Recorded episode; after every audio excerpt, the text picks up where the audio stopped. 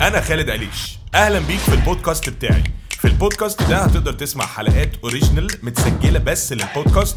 كمان هتسمع حلقات مسجلة من برنامج السكة أحلى على إذاعة ميجا اف ام 92 7 مصر. فأنت اللي هو بتصحى كل يوم الصبح.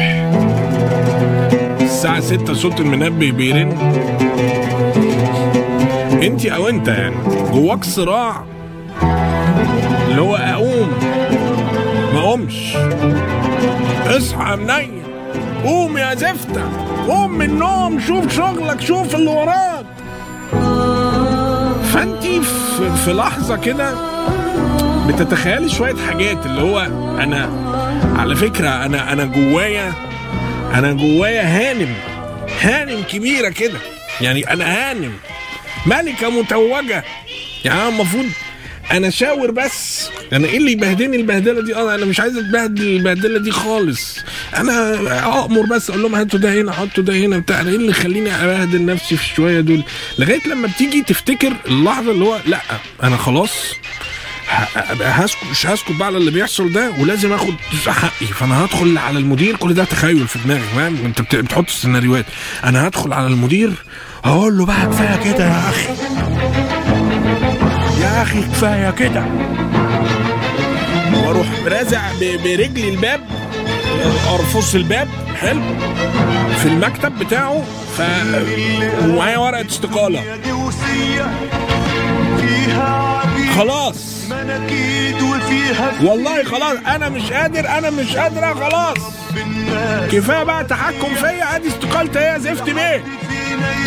فبتبقى في سيناريوهات في دماغك. السيناريو الأولاني اللي هو بيتعامل آه، معاك أو معاكي معاملة الطبيب النفسي.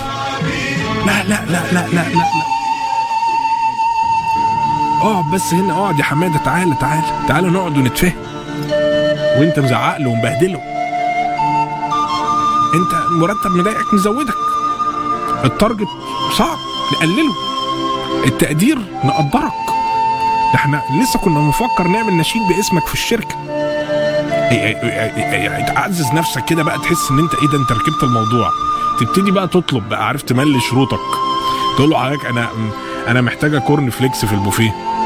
ممكن بس معلش نزود بكر مناديل في الحمام. ده السيناريو الأولاني. الدنيا تمشي حلو. السيناريو التاني اللي هو إن أنت نفس الشخص اللي هو أنا مش طايق نفسي. كفاية بقى يا وتدخل وتروح رافس الباب برجلك وتقول له آدي اهي الاستقالة بتاعتي. أنا خلاص. فيروح هو ردد عليك بنفس الطريقة. يقول لك ثانية واحدة. ثانية واحدة يا حمادة.